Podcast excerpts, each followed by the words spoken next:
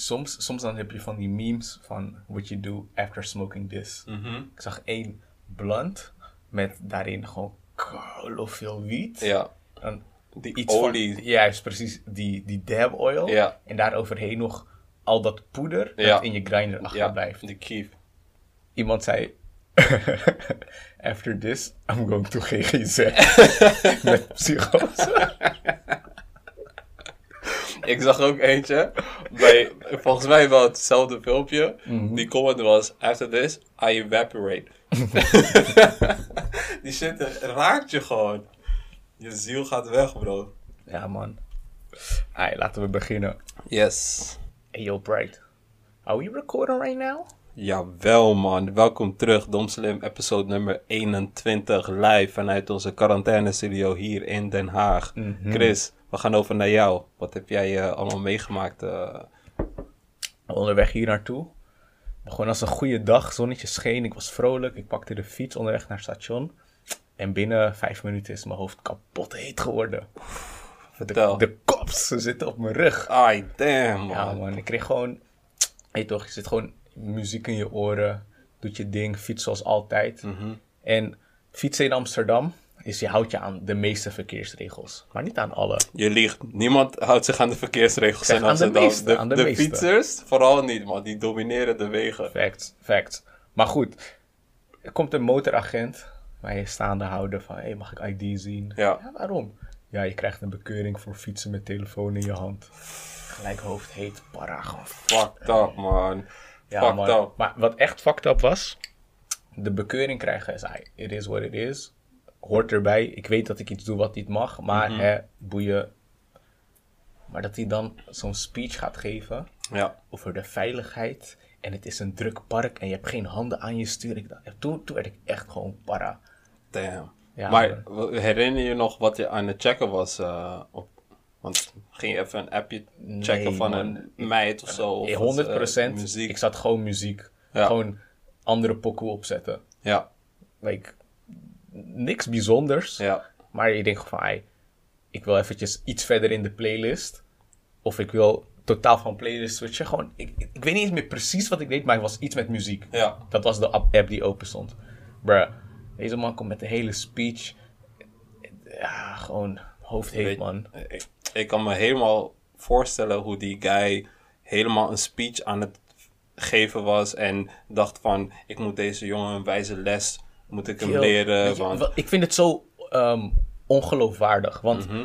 iedereen weet dat zonder handen fietsen echt niet gevaarlijk is. Like, dat leer je echt als je op de basisschool zit van... hey, kan ik zonder handen fietsen? Je gaat Ja. een paar keer vallen, maar als je het kan, dan kan je het. ja. Dan moet je niet zeggen, het gaat om de veiligheid. Ja. Oh, ik, ik, het is gewoon ongeloofwaardig. Ook nog in dat park. Bro, Hoogheid knal je tegen een boom aan. hij zegt zo, ja, in een druk park met hardlopers. Kill, die hardlopers hebben hun eigen pad. Wie is op het fietspad? Jij met je motor. Ja, Dus ehm, op een gegeven moment, op een gegeven moment eh, ehm, let, la- la- liet ik hem gewoon weten hoe gefrustreerd ik was. Mhm. Ik zeg het nu een beetje ehm, diplomatisch, maar Mhm. ik- mijn hoofd was een beetje heet. Dus ehm, toen, toen zei hij, ja, ik vind, eh, ik vind het echt een kinderachtige toon die u nu aanslaat. Ik zei, Ja. kill, doe gewoon snel. ja, Doe gewoon je ding, geef me die boete en laten we doorgaan. Toen ging Ja. hij nog uitrekken. Op een gegeven moment kwam je zo van ehm bla bla bla bla bla. Ik, ik kan het niet eens meer vertellen, want als ik eraan denk, dan word ik gewoon weer een beetje gefrustreerd. Hey, ja. Maar ehm, up, het kwam erop neer dat hij gewoon met zijn hele speech gaf. En toen, toen moest hij hoesten. Dus toen, zei, toen ging ik hem van, hey, zeg, wat, wat zit jij nou te hoesten? Met je corona Met je corona. Je praat over veiligheid, maar je gaat mij in gevaar brengen. Ja. Dus toen werd hij weer een beetje Had hij wel anderhalve meter afstand? Nee man, niet eens. Nee? nee. Shit, man. Ik, ik, zeg maar, door die anderhalve meter, ik denk, kan ik deze, ehm, deze bekeuring aanvechten Ja. door te zeggen, hij hield niet anderhalve meter afstand Mhm. en hij heeft in de lucht gehoest. Ja. En als hij mij iets verwijt tegenover veiligheid, maar dat zelf niet doet, is Ja. dat dan... Ik weet niet of dit juridisch sterk in elkaar zit. Helaas niet. Helaas niet. ik wilde jou bij de eerste zin stoppen, maar ik denk, eh, ik denk dat je geen rechts van spreken hebt. Maar die anderhalve meter ehm, moet hij wel toepassen, maar om, om- hoe dat hele systeem in elkaar zit, voordat je hem iets kan aandoen, Mm. ben je echt advocatenfees kwijt en Ja, maanden nee, nee, nee. verder. Het is Zo- het helemaal niet waard. Zover Maar hoeft het niet te gaan. Die fucking... Die politieagenten vervelen zich op dit moment. Bro, het is gelijk 100 euro. Ik denk van, je moet juist denken, oké, iedereen is overbelast. Mhm. Laten we dit soort kleine vergrijpen even door de vinger. Deze man komt gewoon barkie. Oh. Fucked up. Ik zeg je eerlijk, man. Want ze, ze hebben niks te doen. Niemand op de straten. Dus als ze iemand zien, dan is dat gewoon gelijk ineens een, een bonus voor ze. Oh, wat doet diegene? Is hij eh, met de telefoon bezig? Of, eh? Want wat gaan ze anders doen? Ze zijn gewoon een beetje rond aan het rijden. Kijken of mensen afstand houden, et cetera.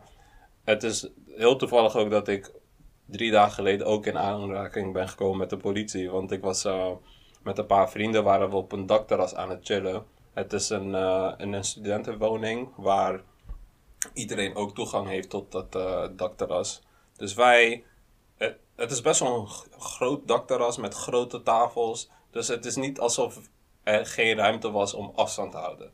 Wat hebben wij gedaan? We hebben afstand gehouden. Eh, Het, het waren van die picknick, grote picknicktafels. En iedereen zat sowieso met zo'n minimaal anderhalve meter. Zaten we uit elkaar. Tequila fles in het midden met wat eh mixdrankjes, wat bieries. En we waren gewoon aan het flexen, aan het chillen. Zonnetje, 19 graden. Maar wat gebeurt er dus? Een van die ehm, eh, bewoners, ik had het al gemerkt, want zij kwam naar boven en zij zag ons en toen ging ze weer weg. Mm. Waarom? Dat dakterras is veel te groot om te denken van oké, ik kan hier niet meer chillen omdat zij hier zijn. Dus toen had ik al zoiets van, mm, zij, gaat, zij gaat een beetje roet in het eten gooien. Wat gebeurt er? Pull-up, Popo komt. Twee politieagenten komen naar ons eh, toe. Ja jongens, jullie moeten wel eh, afstand. Dit. Ik zeg, we zitten toch allemaal met anderhalve meter afstand? Ja, maar... maar toen merkte ik dat er één agent chill was en die andere, die was, ik weet niet, die rook bloed of zo. Die wilde gewoon, die wilde gewoon iets, iets zeggen. Dus wat zegt die guy? Ja, hij zegt tegen zijn collega, terwijl we daar allemaal bij staan, dan zegt hij, eh, ja, we moeten ze wel een waarschuwing geven. En ik kijk zo die guy aan en ik kijk zijn collega aan en die collega was van, nee, nee, hoeft niet, hoeft niet. We...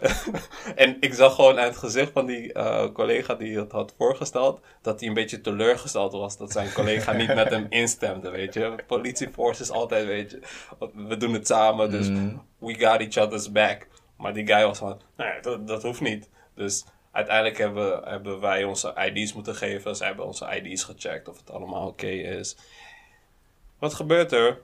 Die chille agent begint met ons te praten. Hij begint over school. Oh, jullie zitten... Wij zaten ook allemaal op de Haashogeschool. Oh, jullie zaten allemaal op de Haashogeschool. Leuk gesprek. We hebben misschien bijna een uur met die guy zitten flexen. Terwijl zijn collega daar gewoon aan de zijkant eh, eh, stond. Op een gegeven moment begon... eh, een vriendin van me begon gewoon met hem te praten ook.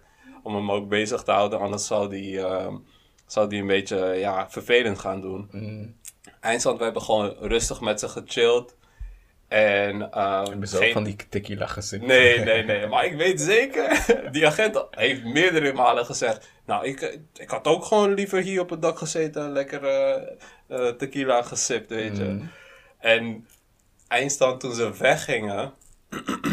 toen ehm die vriendin van me die in dat gebouw woont... die had die eh, Facebookgroep gecheckt.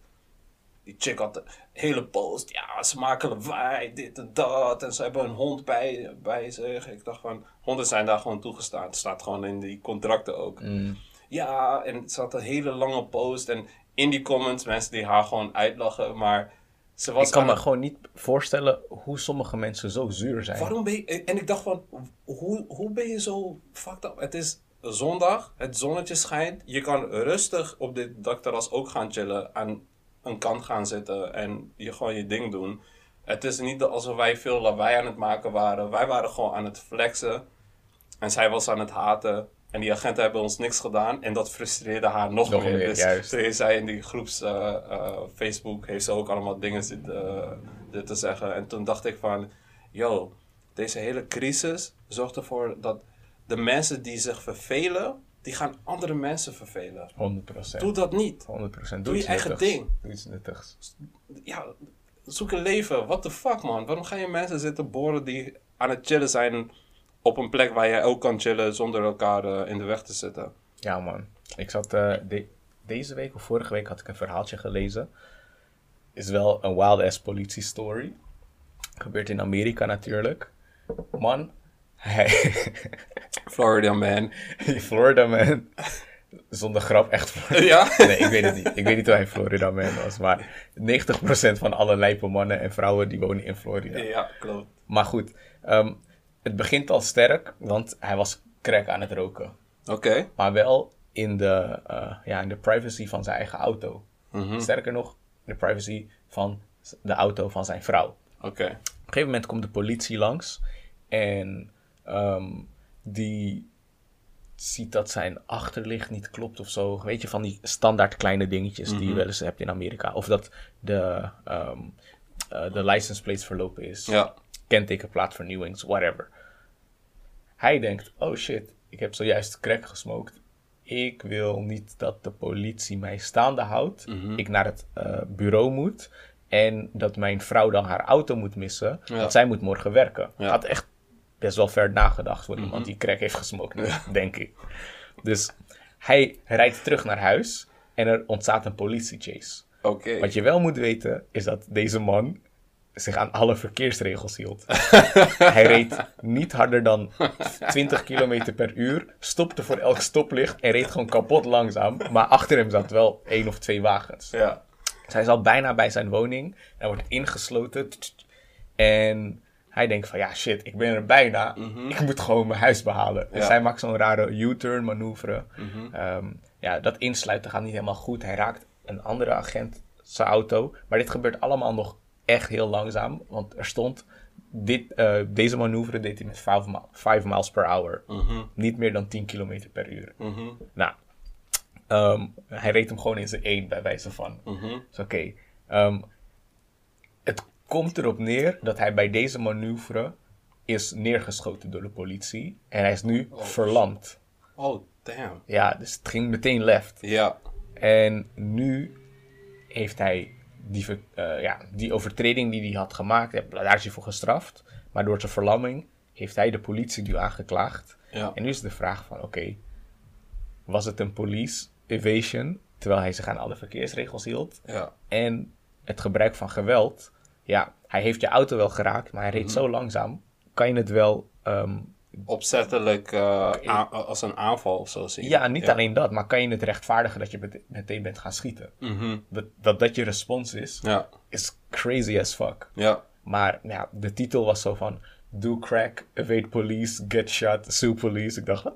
I need to read this. Ik hoop dat hij veel saaf pakt. ja, maar ik hoop dat die hoop bag groot echt. is. Ik hoop het echt, man. Het is, eh, maar ja, je, je zal denken. Ik, ik kan het sowieso nu een beetje moeilijk voor me zien. Mhm.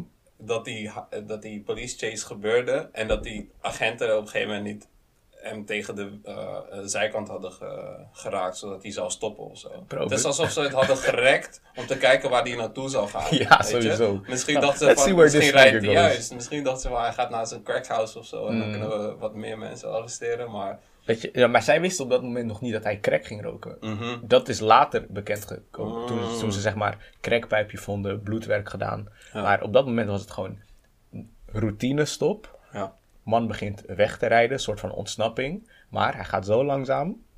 En hij houdt zich aan alle verkeersregels. Uh, Ik vond het gewoon raar dat het zoiets simpels tot zover kon escaleren. Maar dat, ja, dat is bij eigenlijk... Ja, ik wil geen percentage noemen, want ik ga het gewoon verzinnen. Maar bij veel van die politiegevallen in Amerika... waar er een ongewapend iemand wordt neergeschoten... Ja, heeft het allemaal met dit te maken. Ja. Het begint met iets kleins en het loopt gewoon volledig uit de hand. precies. Over eh, rechtszaken gesproken. ehm, er is nu een grote eh, divorce is gaande tussen Adele. Adele, en ex-husband. en mensen zijn, ja, ze zijn split over deze. Mhm. Want aan de ene kant, want het, is, eh, het gaat om iets van 140 miljoen Ja. in deze rechtszaak. 140 miljoen pond, ruim 170 miljoen euro. Ja. En eh, het is de bedoeling dat eh, Adele natuurlijk een, een, een flink deel aan haar ex gaat geven. Mhm. Hoe, hoe denk jij hierover? Daar ben ik wel benieuwd naar. Oké, dus Want er zijn veel mensen die zeggen, ja, nee, Adele moet helemaal niets aan die guy geven, dit en dat. Maar kijk, Eh, we hadden toevallig gisteren, gister, vorige week over trouwen en zo. Ja, Ja, de andere kant van de medaille is scheiden. ja. En ik vind het. Ik, ik heb eigenlijk twee meningen. Nummer één, Mhm. ik vind het bizar. En ik ben er echt op tegen dat nadat je gescheiden bent, je de helft van je vermogen aan je partner moet geven. Dat als dat, dat, dat gewoon zeg maar standaardregel is. Van geval kan dit veranderen en soms dan heeft je partner echt bijgedragen aan het vermogen dat jij hebt opgebouwd. Ja. Maar dat dat de regel is, dat één iemand de ander nu moet voorzien van zijn levensbehoeftes. Get the fuck out of here. Same, helemaal met je eens. Het moet niet een regel zijn die eh, ehm, een beetje globaal over iedereen wordt getrokken. Het moet echt case to case, moet dat helemaal uitgezocht worden. Want het is nu bijna altijd het geval dat de, eh, de helft van eh, het vermogen naar de andere persoon gaat. Terwijl het soms maar een relatie van anderhalf jaar, twee jaar was of zo. Ja, En dat je denkt zodra, van- je, zodra je gaat trouwen, gemeenschap van goederen, is dat ook de deal die je tekent. Mhm. Andere deel, wat, wat het dus interessant maakt, en ook gewoon fucking grappig, een dit keer is het de man die het en ik was van, yo, yo, Mike, dude, get your bag. Get your bread, dog. Get your bread, man. Want ehm, er zijn heel veel mensen die altijd aan het schreeuwen zijn van... Oh ja, en eh, de vrouw verdient dit en de vrouw verdient dat. Dit keer was het de vrouw met de heavy bag. Mhm. En nu gaat de man daarvan scheiden. Waarom niet die gelijkheid trekken? En ook die guy recht van spreken geven. En denken van, joh, als hij... Want als het andersom was... Mhm. En die guy was een superster en die vrouw... ehm, ehm, in dat geval dan Adele Oh, die zou, die zou ook geld krijgen. En ik weet dan 100% dat iedereen op Twitter en, en, en de, en de rest van de media zal zijn van ja, Adele verdient dit, want ehm, haar man laat haar natuurlijk met niks achter en haar man is miljonair, dus hij kan wat missen. Maar nu het andersom is, zie je heel veel mensen weer terugkrabbelen van dat hele, van die hele norm, dat Het feit dat, van het vermogen. dat, zeg maar, ehm, dat zij zoveel moet betalen, Mhm. dat maakt het newsworthy. Ja, Want 140 milli? For what? Wat heb je de afgelopen jaren gedaan om dat te verdienen? Ja, oké, je bent met mij getrouwd geweest, maar jij hebt niet getoerd, jij hebt die cd's niet verkocht, jij Ja. hebt niet dit gedaan, jij hebt niet geschreven, jij hebt het talent niet gedragen. Al die Ja. shit. Waar, waar, waar veel mensen het op gooien is zeg maar, ja, eh, je zit met elkaar in een relatie en je, je support elkaar, dus mentaal. En eh, w- wij weten natuurlijk niet wat er gebeurt thuis, snap je? Dus misschien komt eh, Adele elke dag, eh, eh, elke keer na zo'n gekke tour komt ze thuis helemaal mentaal gebroken en dat die man haar helpt of, Bro. of andersom. In de wijze woorden van ene Drake. Ja, Kobe about to lose 150 M's. Kobe, my nigga, I hate it had to be him. Bitch, you wasn't with me shooting in the gym. Ja, ik, ik zeg je eerlijk. Het, als, het, als het zo vaak aan de andere Bitch, kant gebeurt. Als het zo vaak aan de andere kant gebeurt. En het komt nu ineens in het nieuws dat er een vrouw is die meer verdiende. En zij wil het dan ook niet delen met de man. Dan denk ik ook van. Maar dan moeten mensen niet gaan huilen als het andersom is en de guy eh, eh, dat grote inkomen heeft gemaakt. En dat dan de vrouw zonder, eh, ehm, zonder gemeenschap van goederen. Eén of twee jaar geleden komt. was dat ook die tory met Jeff Bezos, toch? Ja, Zij, dat is een paar maanden geleden, Kill. ja, ook Ja. goed. Ehm, tijd is allemaal relatief tegenwoordig. tijd is een illusie. What is time? Bestaat tijd? Ja, man. Ehm, dat soort shit. Ehm, hij had een affaire met een andere dame. Echtscheiding. En zij kan in één klap de rijkste vrouw ter wereld worden met een vermogen van ongeveer 80 miljard. Mhm. Kijk, ik snap dat hij het bedrijf heeft opgericht en zij was daar als support in het huis. Ik snap ook, ik ben ook zeker voor dat zij geld moet krijgen. Mhm.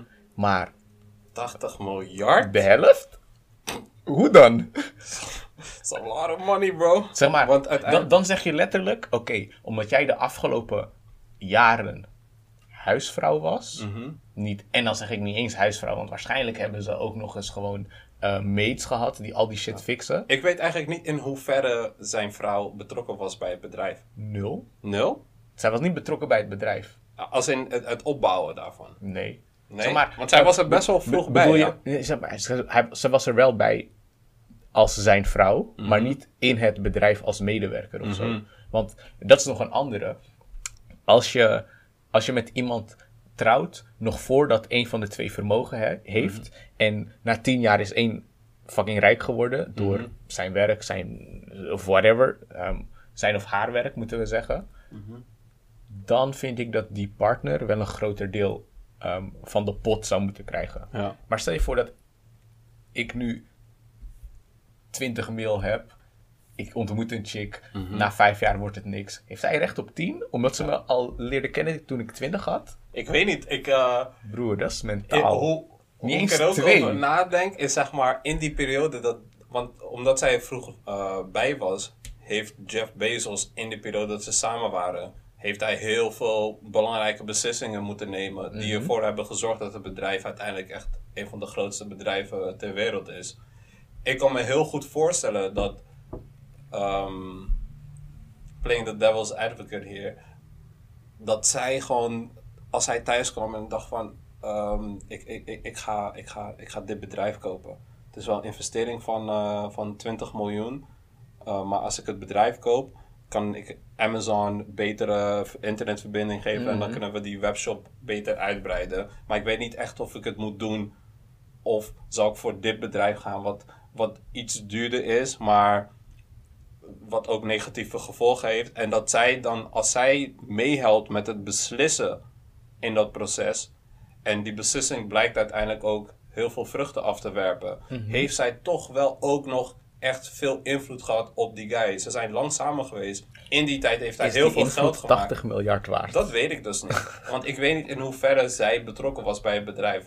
Zij hoeft niet op kantoor te zijn om haar mening te uiten over een, ehm, over een belangrijke beslissing. ik, ik denk nu op die manier, omdat ik ook denk aan ehm, in de muziekwereld. Stel je voor, jij bent een grote artiest, ik ben Matti. En, eh, eh, of ik, ik ben een veel kleinere artiest en ik ben met jou in de studio. En jij hebt een, eh, je hebt een grote track, heb jij in gedachten. En ik zeg, oh ja, gooi even wat drums erin en eh, deze piano. Uiteindelijk zou jij dan zeggen dat ik geen recht heb op die royalties? Of zou je denken van, yo, uiteindelijk om de- omdat jouw bijdrage ervoor heeft gezorgd dat die track nu is wat het is en die track is groot geworden, verdien jij ook royalties? Als jij, als jij mee hebt meegeholpen aan het creëren van de track, of aan het Mhm. schrijven daarvan, als jij zegt, oké, verander dit naar dit, Mhm. en je echt actief coacht, dan heb je gewoon bijgedragen aan het tot stand komen van de track. Dus ook dat je recht hebt op een deel van het geld. Mhm. Als jij gewoon er bent als Matty, je chillt in de studio, je bent een beetje aan het kletsen, je, je draagt wel bij aan de vibe, maar je hebt niks muzikaals toegevoegd. Nee. Maar wat als jij, ehm, als jij aan mij vraagt van, yo, ik wil deze, ik, ik wil deze kicks en snares wil ik helemaal eruit halen en ik wil de drums inzetten. Wat denk jij? En ik zeg van, zet die drums erin. En het blijkt dat door die drums die track juist heel erg is aangeslagen bij mensen. Ik, ik, ik heb zeg maar op muzikaal gebied is het ook niet te meten. Het, is, het is niet kwantificeerbaar. Stel je de- voor als ik een bedrijf heb, ik moet een beslissing maken en ik kan kiezen, zal ik voor, ehm, zal ik voor eh, rood of zwart logo gaan? The fuck heeft dat te maken met mijn Dat succes? heeft, dat heeft zeker wat te maken met, met jouw succes, man. En ik kan me heel goed voorstellen dat er Als, als het veel... product daar niet beter van wordt, als mijn marketing niet goed is, als ik mijn klanten niet tevreden stel, als mijn boekhouding niet goed is, als ik mijn aandeelhouders niet tevreden stel, dan kan jij die, die input af en toe niet recht hebben op 50%. Want eerlijk is eerlijk, een, een, zeg maar, een, goede, ehm, een goede adviseur hebben in je partner neemt niet in één keer de rol in van vice president of zo. Want je moet dit met heel veel mensen in je bedrijf bespreken. Over muziek gesproken, ik was hier net eventjes snel ehm, aan het googelen. Want ik weet dat Paul McCartney van de Beatles, hij heeft ook een gekke eh, scheiding gehad ooit. Ja. Hij en zijn vrouw gingen scheiden en zijn vrouw die vroeg om 125 miljoen pond. Damn. Ja, ze hebben het uiteindelijk.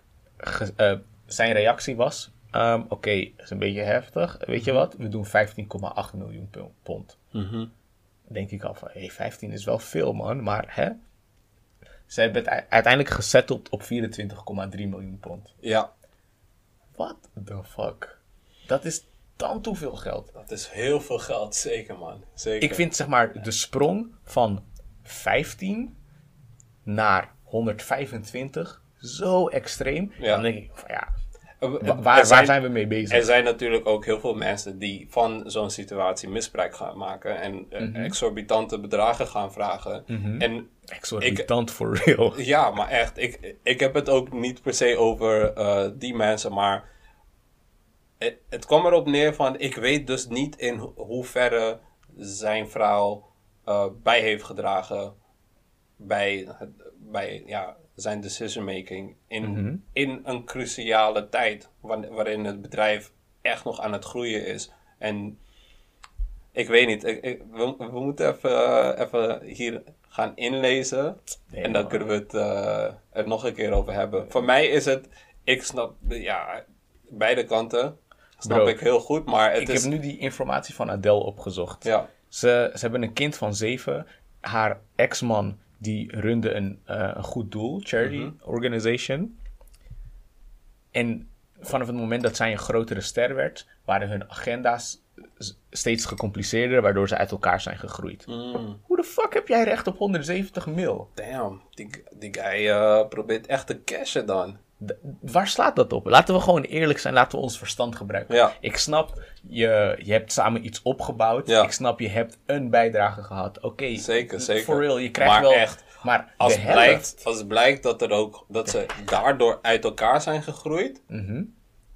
dan, eh, dan zeg ik ook van, yo, deze guy eh, probeert echt zoveel mogelijk geld binnen te harken. Finesse gewoon. Maar het gebeurt heel vaak ook aan de andere kant. Dus als het dit keer gebeurt en Adele raakt er eh, eh, best wel veel geld aan kwijt, moeten mensen niet gaan huilen, want het gebeurt heel vaak ook aan de andere kant. Snap je wat ik bedoel? Ja, maar dat is... Je hebt dan veel vrouwen die nu met reacties komen van... Oh, waar slaat dit op? Oh, Mhm. ik zou ook para worden. Ik zou hem neersteken. Mhm. Ja, die moeten gewoon de same energy houden. Precies. En Ik- dat is het. Ik heel ben veel voor mensen beide kanten denk ik gewoon van... What the fuck? Mhm. hoe, hoe, heb, hoe, hoe heb jij recht op 100 miljoen... Ja, omdat jij met mij getrouwd was? Omdat jij met mij getrouwd was, moet ik je nu betalen? Nee man, zo werkt het niet. waarom? Zet het op papier, contractje. En dan kan je trouwen, dan kan je de hele ceremonie, alles erop en eraan kan je doen. Maar als, a- a- vooral als jij erin stapt met bepaalde plannen, bepaalde achtergrond en dingen. En je weet ook gewoon van, hé, hey, ik ga hier veel geld mee maken. Moet je niet lakkeloos Nog, zo'n huur, zo'n huur, eh, huurlijkscontract eh, gaan tekenen. jij en ik hebben allebei ervaring met het opzetten en runnen van een bedrijf. joh. Mhm.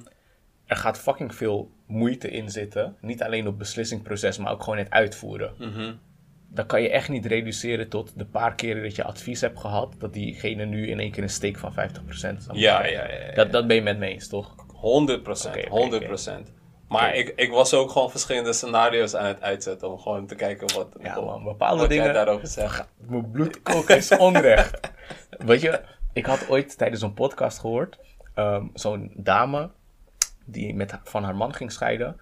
En omdat ze, eh, ja, ze was gewoon strategisch op die hele divorce shit. Ze ging naar alle top divorce attorneys in de staat. Dus alle ehm, ehm, familierechtadvocaten Mhm.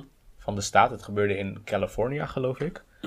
nou, omdat, of nou, niet eens in California, van de staat, van eh, de stad Los Angeles. Mhm. En nou, nadat zij allemaal een gesprek met haar hadden gehad, konden ze haar man niet meer als cliënt aannemen, omdat ze dan eh, conflict, conflict of interest zouden Ja, hebben. Eh, ja. Belangenverstrengeling. Mhm. Nou ja, maakt niet uit bij wie zij terecht zou komen. Haar man had sowieso de, de B, C, D-klasse. Ja, ja, ja, ja, ja. Ja. Dat is messed up. dat is zeker messed up. Sowieso ook gewoon, eh, ja. Dat is wel echt een hele slimme zet ook van haar. Het is chess. Dat is echt chess. En zij Schaak zag ook, gelijk. zij zag ook eh, zo'n... Zij, ja, zij keek vooruit, man. Zij keek vooruit en heeft gewoon vooruit gewerkt. Want zij zag die scheiding aankomen, toch? Heeft zij uiteindelijk ook er wat aan overgehouden? Of? Ja, Ze, Ja? heeft, ze heeft een goede money Oh, gepakt. Oké, damn. Damn, man. Eh, je hebt zeg maar sommige, sommige echtscheidingen die eindigen in. Dit is, oh, dit is in Nederland bij wet geregeld. Mhm. Als je scheidt, is het soms niet eens alleen maar dat je ehm, een deel van je vermogen moet afstaan. Maar ook die ander maandelijks moet ondersteunen. Mhm. In een soort van alimentatie. Ja, Ik vind dat zo raar.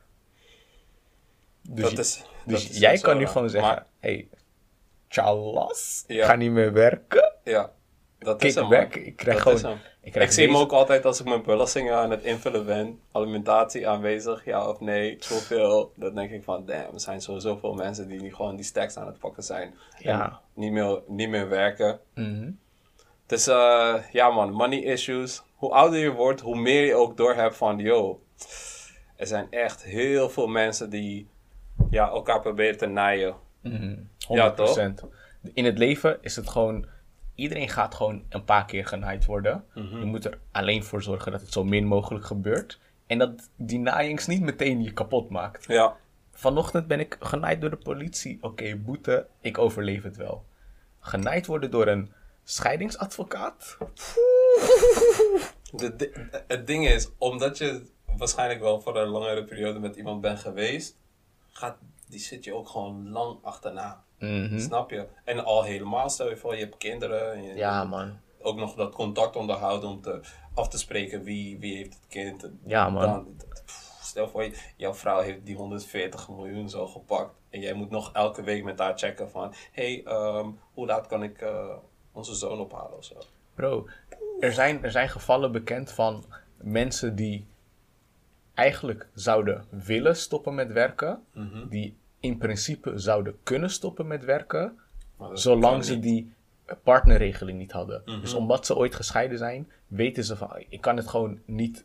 ehm, ik kan het gewoon niet opbrengen, omdat Ja. ik gewoon elke maand zoveel honderd of duizend aan Precies. iemand moet afstaan.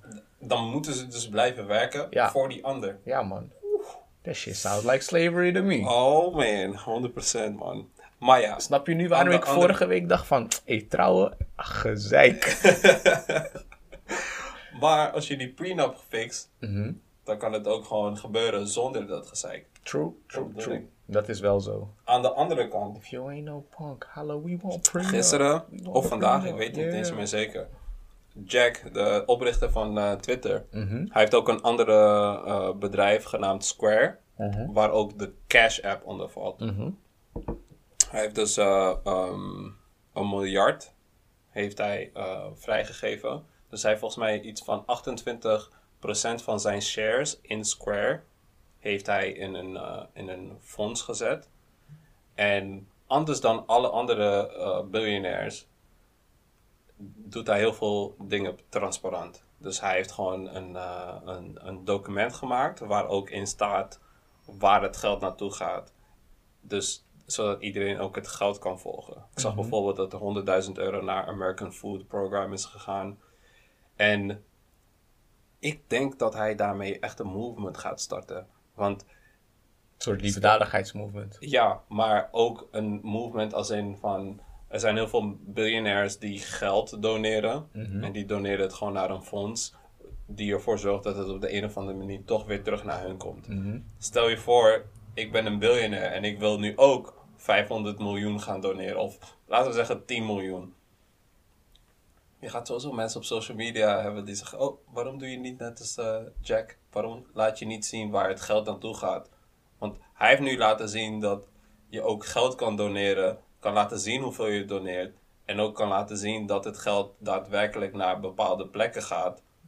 Ja, Met, maar met zoveel transparantie. ik, eh, ik geloof dat niet, man. Ik denk dat hij die movement zal starten. Hoezo niet? Omdat mensen, ehm, ja, je- mensen konden altijd al liefdadigheid op de juiste manier doen. Maar ze kozen ervoor om liefda- liefdadigheid op een manier te doen dat ze er zelf ook voordeel uit halen. Dat het feit dat één iemand het nu doet, ik hoor het toevallig over omdat jij het vertelt. Mhm. Maar ik weet dat het grootste deel van de bevolking dit niet weten. Dus die, eh, die druk vanuit het publiek zal nooit zo hoog worden dat anderen dit vanuit een soort van pressure ook gaan doen. Weet je waarom ik dat denk? Omdat uh, vooral op een platform zoals Twitter, waar je heel snel wordt uh, aangewezen op, uh, op je fouten, denk ik dat er juist omdat hij zoveel um, um, zichtbaar heeft gemaakt over zijn lief, liefdadigheid, mm -hmm. dat er heel veel mensen ook nu hetzelfde of tot een bepaald moment um, to a certain degree hetzelfde willen gaan zien van de mensen die ook veel geld willen gaan doneren. Omdat Twitter zo open en zo, zo streng eigenlijk kan zijn op mensen die dingen beweren die niet waar zijn. Snap je wat ik bedoel? Maar dat zijn dingen waar we achter gaan komen over uh, ja, een paar maanden, een paar jaar. Om ja. te kijken of het ook echt uh, effect heeft op, op future donations. Want ik zie het zo vaak gebeuren. Oh, dezegene doneert uh, 10 miljoen, 100 miljoen.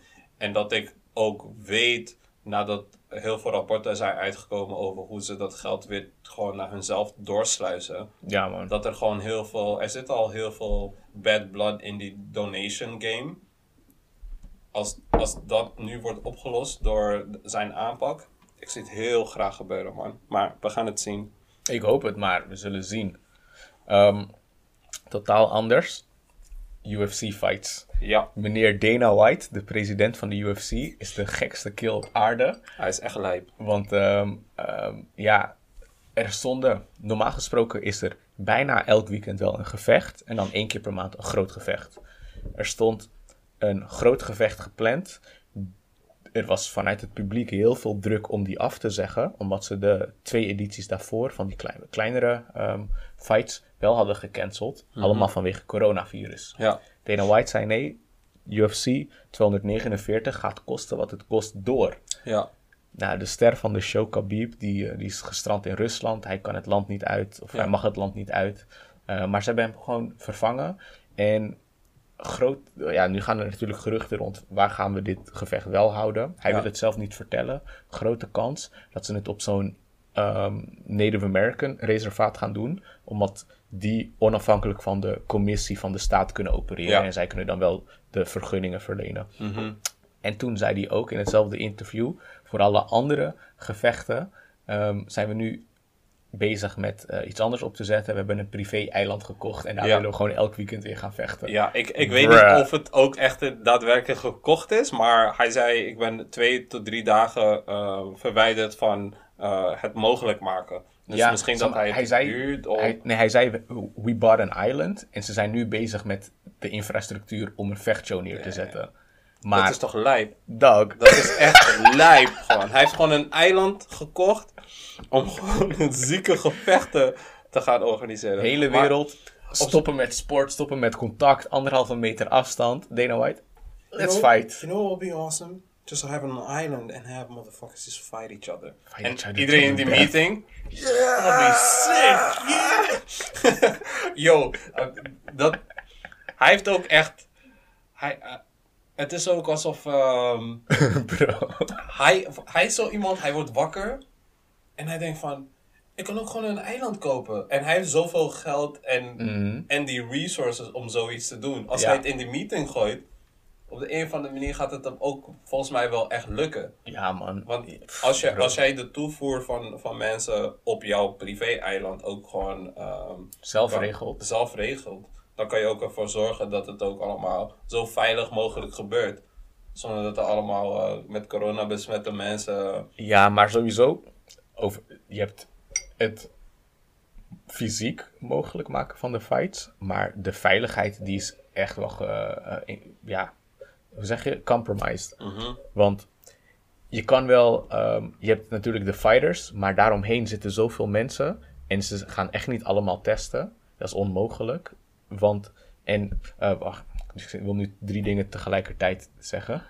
Ehm, drie weken geleden was er een andere fight, was in Brazilië. Toen ook allemaal coronamaatregelen. Ze hebben dat zonder publiek gedaan. Eh, mochten maar een beperkt aantal mensen van de productiecrew en van eh, zeg maar de coachingstaf aanwezig zijn. Ja. Ze hebben niemand getest op corona, omdat ze dat gewoon niet konden.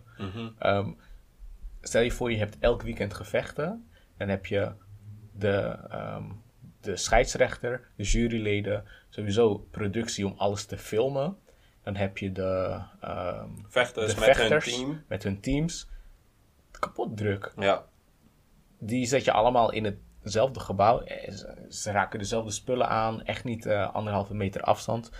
Kijk, Maar zou je kijk niet maar zeggen, of dat gaat omdat, lukken. omdat, omdat die, die, die crews van mensen, staat allemaal op papier en dat zijn sowieso allemaal mensen die normaal gesproken bepaalde eh, VIP eh, toegankelijkheid hebben. Mhm. En omdat die club zo klein is, zou je dan niet misschien denken dat hij juist dan wel de mogelijkheid heeft om het te beperken en eh, het ook te kunnen testen. Ehm, wat ik hoorde in Amerika hebben ze sowieso een probleem met te weinig tests. Dus Mm. ik vraag me dan af of ze dat aan een, eh, ja, aan een kale man die willen vechten. Amerika geven. heeft ook eh, een, een container vol met tests die bedoeld was voor Canada. Hebben ze gewoon voor hunzelf gehouden. Sick. Fucked up. ik, ik denk daar ineens aan. En nu denk je van... Je zou denken, Amerika, groot, grootmacht, ze hebben alles in orde. Maar Mhm. als zij een tekort hebben, dan, ja, dan gaat het misschien wel echt lastig worden voor Dana White om het eh, voor elkaar te krijgen. But you never know. Hij, hij is hiermee bezig. Hadden wij ook niet verwacht. Ja, true. So, True. let's see what happens. Ja, ik vind het een, echt gewoon een beetje een lijp idee. Mhm. Ik kijk er wel naar uit om de gevechten te zien. Want die fightcard is ook gewoon stacked. Gewoon Wie heeft uh, Khabib matchups. eh, Justin Gaethje. Ik weet niet of je hem kent. Hij, hij was afgelopen... mm, ik denk afgelopen vier gevechten heeft hij allemaal op rij gewonnen. Oké. Hij is van oorsprong een worstelaar. In de UFC heeft hij ervoor gekozen om minder van zijn worstelen gebruik te maken, maar om gewoon vuisten te geven. Ja. Ehm, en hij, is, hij heeft echt gewoon kracht in zijn handen. Hij is niet de meest technische guy, want hij wordt zelf ook geraakt, maar hij gaat gewoon door. Je kan hem Mhm. Ja, raken, he doorzetten. doesn't- he doesn't give a fuck. Hij Ja. en wat ik hard vind, hij gaf zo'n interview. Hij zei van, ja, hoe voel je je? Ben je blij? Hij zei, nou bro, ik ben, ik ben eigenlijk best wel nerveus. Mhm. Maar ik vind het leuk dat ik nerveus ben. Want die, die Tony tegen wie hij moet vechten, Tony wordt ook geraakt. Ja. Maar wanneer Tony geraakt wordt, dan wordt hij ook een savage. Ja. Dus zodra hij bloed ziet, gaan zijn ogen groter worden. Dat komt helemaal naar boven. Dus Justin Gaethje, die voor niemand stopt. Tony Ferguson, die geraakt worden bijna leuk vindt. Ja.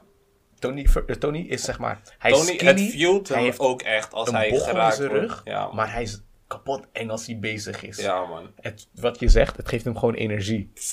Dus dat, dat wordt vuurwerk. Ja, hey, ik heb er zin in. Ehm, kom, ook een Nederlandse, of nee, hij is, hij is niet eens Nederlands, hij is Surinaams. Oh, Uh, Rozenstruik. Rozenstruik, die Ja. zit op de card tegen Enganu. Yo. eh, Dat wordt echt een clash of... Titans. Want dat zijn echt biggie guys, hè. Elke klap voel je gewoon. ge- eh, heavyweight klasse. Enganu is gewoon, hij is lang, gespierd, koude sterk. Hij is echt een beest. Hij kan je in slaap laten vallen. Ehm Jarzinho Rozenstruik, zijn naam is Biggie Boy, want hij is ook groot. Hij is gespierd, maar hij heeft ook gewoon een buikje en zo. Ja. En hij, hij murkt mannen ook gewoon rechterhoek, bap, neer. Lippen helemaal kapot geslagen. En Die zo. twee tegen Ja, elkaar. Dat wordt Gevaar. echt Clash of Titans, man. Vaar. Ja man, ik heb, dus ik heb zin in de UFC. Het is gewoon Ja. weer een Dat is zo- spanning. Dat is zoals- zo'n beetje de enige sport die nu nog gaande is. Ja man, is allemaal... Echt de enige. Ja man. Hey. ehm, weet je wie terug is? Mr. 6ix9ine. Ja, ik zag het. Eh, eh, Het gebeurde allemaal op 1 april. Dus ik dacht van... Want ik volg Academics op eh, Twitter. Hij tweette, Mhm. oh oh, ja, 6ix9ine kan misschien vrijkomen vandaag. Ik dacht, get out of here, 1 april. Een paar uur later, eh, ehm, het is bevestigd. En toen dacht ik van, of dit is echt een 1 april grap. Maar hij begon ineens allemaal documenten ook toe te voegen. Ja, ja, ja, ja. Die ook aangaven van, yo, deze guy ehm, ja, kan vrijgesproken worden. En ik dacht van, oh shit, als 6 9 weer vrijkomt, is het klaar. Tot nu toe, een beetje teleurgesteld, want die guy is gewoon stil. Hmm. En misschien is dat ook beter voor hem, want er zijn waarschijnlijk mensen die hem nu echt wel graag willen killen. Ja. Aangezien hij op vrije voeten is. Nou, niet vrije voeten, hij, moet, hij wel huisarrest. Maar ik ben benieuwd wat zijn stap wordt. Gaat hij terug naar zijn savage ways? Want hij mag bepaalde Hij mag dingen niet mag meer hij niet meer... provocerend Ja, zijn. man, hij mag niet meer Maar provocerend wat wel zijn. maar- leuk was, ehm, zeg maar toen hij actief was op Insta en nog op vrije voeten was, bracht hij gewoon veel fuckery. Precies. Toen hij wegging, Insta werd weer gewoon chill en kalm en gewoon zoals het hoort. Ja. En door die quarantaine is de fuckery terug. Ja. Instagram Live is gevaarlijk. Wild. Demons Wild. overal. Tory Lanez doet wilde dingen op Instagram. Bro, Die ik nooit... Ik, ik zie Instagram ook als zo'n gecensureerd platform. Ik zit op Twitter, dus ik zie heel veel shit. Juist. Weet je? Maar omdat Instagram daar helemaal ehm, van afwijkt... ben ik helemaal gechoqueerd als ik sommige dingen nu op Insta live zie op gebeuren. die Ik live gebeuren dingen die niet mogen. Ik denk van, hè? Hoe heeft Instagram hem nog niet geblokkeerd of zo? Instagram Ja. denkt waarschijnlijk, hij brengt heel veel mensen op het platform en houdt ze daar ook op. Tory heeft dus Insta-jail gepakt. Hij mag niet meer op live. Oh, is hij nu geblokkeerd? Ja, hij heeft nu zo'n, hij heeft nu zo'n campaign gestart van... Ja, hij heeft nog wel zijn Oh. Instagram-account, maar hij spamt mensen van... Yo, fix iets, breng me Nu live terug. ik het. Ik zag eerder vandaag zag ik een, eh, een foto van Tory Lanez in zo'n prison outfit. Juist. Met free to- eh, eh, Tory Lanez. En ik dacht van, hè? Ja. Wat is dit? Maar hij zit gewoon in Insta-jail. ja man, Mark Zuckerberg die, die dacht, what the... What's going on Hij zat here? bij die, eh, bij die meeting. Uh, sir, Quarantine sir, Radio. We, uh, we have to tell you about this, uh, this rapper called Tory Lanez. Tell me more about it. He's being gone live with a lot of females. Well, sounds great. They're all naked. What? Put him in jail right now. Quarantine Radio. Shit, I'm trying to build up a platform that's accessible to everybody. Ja man, Hij wil toch die good guy image zo lang mogelijk houden, omdat Mhm. hij sowieso al een paar keer gevuurd, eh, gevuurd is door die eh, Amerikaanse overheid. Hij Mhm. wil nu gewoon zo'n clean mogelijk image houden. Maar ja, we gaan het zien, man. Let's see what, uh, what 6 9 does. Ja, ehm, iets wat ik eh, nog op de lijst heb staan, waar we het sowieso over moeten hebben. Eventjes een grote fuck you naar de Franse dokter die met het idee kwam om in Afrika te gaan testen Yo, op eh, sowieso fuck vaccin. die guy, man. Want, coronavaccin. Heb je, heb je dat interview gezien? ja, ik heb het gezien, man. Voor de mensen die het niet hebben gezien, hij is, eh, is een Franse arts, de, de hoofd van ehm, de ICU-afdeling van een groot ehm, ziekenhuis. Hij wordt geïnterviewd op de televisie en ehm, hij zegt, ja, we zijn bezig met te testen en het vaccin is nog niet klaar en bla bla bla bla. En die interviewer die stelt gewoon bloedserieus de vraag van, yo, is het niet een idee om dit in Afrika te testen? Ze hebben daar toch geen maskers, er zijn weinig gevallen bekend en dit en dat. En die ander die geeft gewoon Deed bij, man. antwoord van... Ja, dat is een goed idee, dat willen we ook echt doen. Want zoals je kan zien met andere vaccins en bla bla bla bla, doet hij dat En hij vergeleek het met, eh, eh, toen, ze hebben ook AIDS-vaccins hebben ze getest op pros- eh, prostituees Mhm. Ja man, destijds. precies. En ik dacht, het deed me echt pijn toen ik dat interview zag, man. Sowieso Dan- ook dan kan je als een precies Afrikaan, zien- Dan zie je gewoon die mentaliteit van die Een mensen. soort rangorde die ze maken van... juist. Zo van, You know what? oh, we kunnen het altijd nog in Afrika testen. ja, dat van, zijn toch proefkonijnen? Damn, man. Net als hoe mensen hier eh, op medicijnen gaan testen. Je begint eerst op ratten, dan Mhm. op vrijwillige proefpersonen. En dan als het steeds veilig is eh, verklaard, dan pas mag je het naar het grote publiek doen. Ja. Zij denken, oké, we hebben die fase van de ratten gehad. Laten we gewoon direct door naar Afrika gaan. Is toch de next step.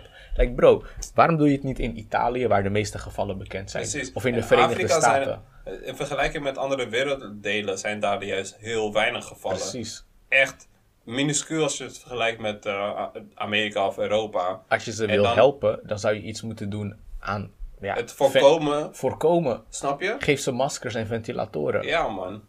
Ja. Het is, ja, ik, ik, ik wist niet eens hoe ik daarop moest reageren. Ik, ik, ik werd echt geraakt door die, eh, door die guys, door dat interview van ze. En ik dacht echt van... Dit laat maar weer eens zien hoe, hoe het Westen gewoon... Hoe de, ja, de evil side daarvan over Afrika denkt, man. Ja, man. Het is echt... Zeg maar, Ze zien het echt als een... Ja, een vuilnisbelt ook. zeg maar, omdat het is diezelfde spirit waardoor kolon- kolonialisme een ding is geworden. En als je gaat kijken wat de Franse connectie is met het kolonialisme, niet alleen van toen, maar tot op de dag van vandaag, Nog steeds. broer, is te bizar voor woorden. Het is echt bizar. En dat een Franse dokter dat zegt, verbaast me dan het minste, omdat ja, die Op spirit is, gewoon, tv. spirit is gewoon aanwezig. Ja, man. Dat laat maar zien. Ja, het, is nog steeds. En dan, en dan is het voor heel veel mensen die dan zeggen van, ah ja, een beetje eh, racisme en dit en dat. Die mensen die dat soort dingen zeggen, als zij zo'n interview zien, zien ze dan ook niet in van, yo, er is nog steeds gewoon een eh, gevoel van hoe zeg je dat? Een minderwaardigheids... eh, ehm, ik, ik kom even niet op dat minderwaardigheidscomplex. Mhm. Die mensen die... Uiteindelijk denk ik ook dat ze dat begrijpen, maar ze willen gewoon niks aan doen. Omdat ze denken van, eh, we're superior en laten Ja. we dat ook zo houden. Ja, man. Snap je? Want als het andersom was en het was Afrika, die was van. Laten we even een eh, eh, e- ebola-vaccins testen op de aantal Amerikanen die eh, destijds ook geïnfecteerd waren.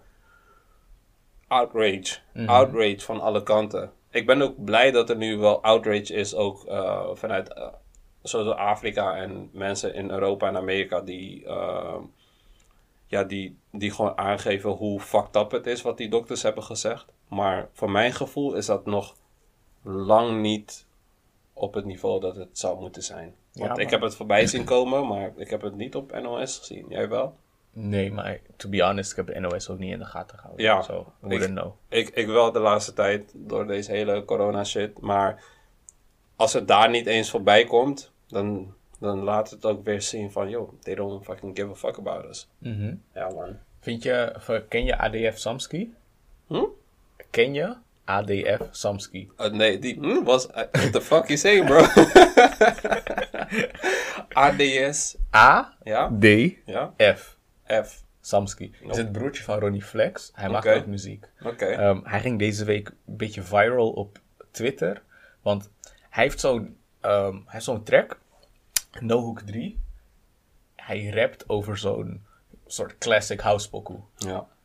Baby, what you doing? Oh Da, ja, da, en, da, da. en, en uh, Drake heeft zijn post gelijk, toch? Ja, juist. die guy. Ja, ja, dus- ja, ja. Die, die, ehm, dat is die, dat is die, broertje van Ronnie Flex? Ja, man. Oh shit, wist ik niet. Nou, Da- ga door. dat is de beat, maar die clip is gewoon violent, shanks, gang shit. zag het. Dus eh, iemand had er een tweet van gemaakt van This is what Dutch drillers are on, vraagteken. Mensen En die is opgeblazen. Ja. Van de- maar tegelijkertijd van, dit is Loki slaps. Ja. Ehm, een dag later was dat, eh, dezelfde clip gepost op zo'n Instagram account. Omdat hij Stone Island draagt in die clip. En dat was een Stone Island Instagram account. Die liked de post, Drake. Mhm. Nou, ik ben een beetje een nerd, dus wat ging ik doen? Ik ging ehm, naar Google Trends checken hoe hoog zijn, ehm, ehm, zijn searches de afgelopen week waren. Of ik ben eigenlijk nog verder gegaan. En je zag vanaf dat moment dat er over hem getweet werd en hij viral ging. Mhm. En dan ook nog een kleine boost met die Drake-like. Ja. Zijn zijn YouTube en Google searches verviervoudigd. Damn. Dus wat daarvoor jouw max was, doe dat nu keer vier. Dat is wat, wat er gebeurt als je viral gaat. Damn. Bro, Dat wel sick. ik vond dat tand toe hard. Dat is echt sick, man. Er was een tijdje terug was er ook een, een eh, Amerikaanse artiest die had een love song gemaakt. En ehm, die had volgens mij ook een beetje die trend gestart van gevaarlijke drill. Ja, en ik weet precies. Het was een soort country nummer, maar wel met machine guns en machine zo. guns en allemaal guys met fucking blunt en Ja, ja, ja, ja. gekke messen in die videoclip. En ik dacht van, dit is wel een ding wat nog meer mensen gaan doen. En wat blijft, is wel echt een manier om viral te gaan, man. Mhm. Ja, is, is gewoon ehm, die combinatie van gekke visuals Mhm. en dan ja, muzikaal super chill. Dan denk ik van, dit klopt niet. Zou het ook andersom het werken, zeg maar.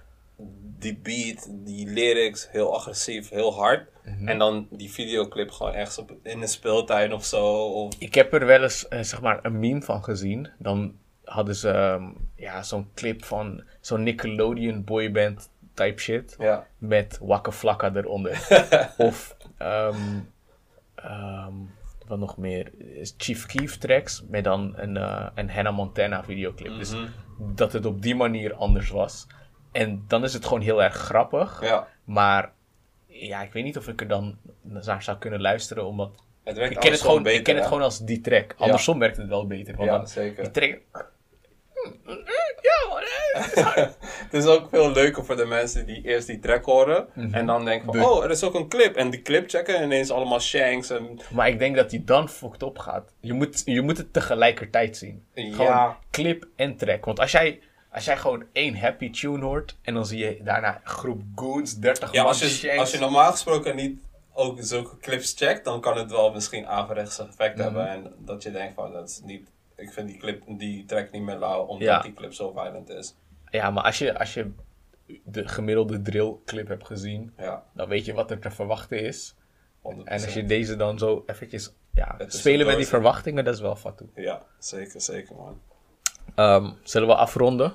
We Eh, zitten ja. nu denk ik op uurtje.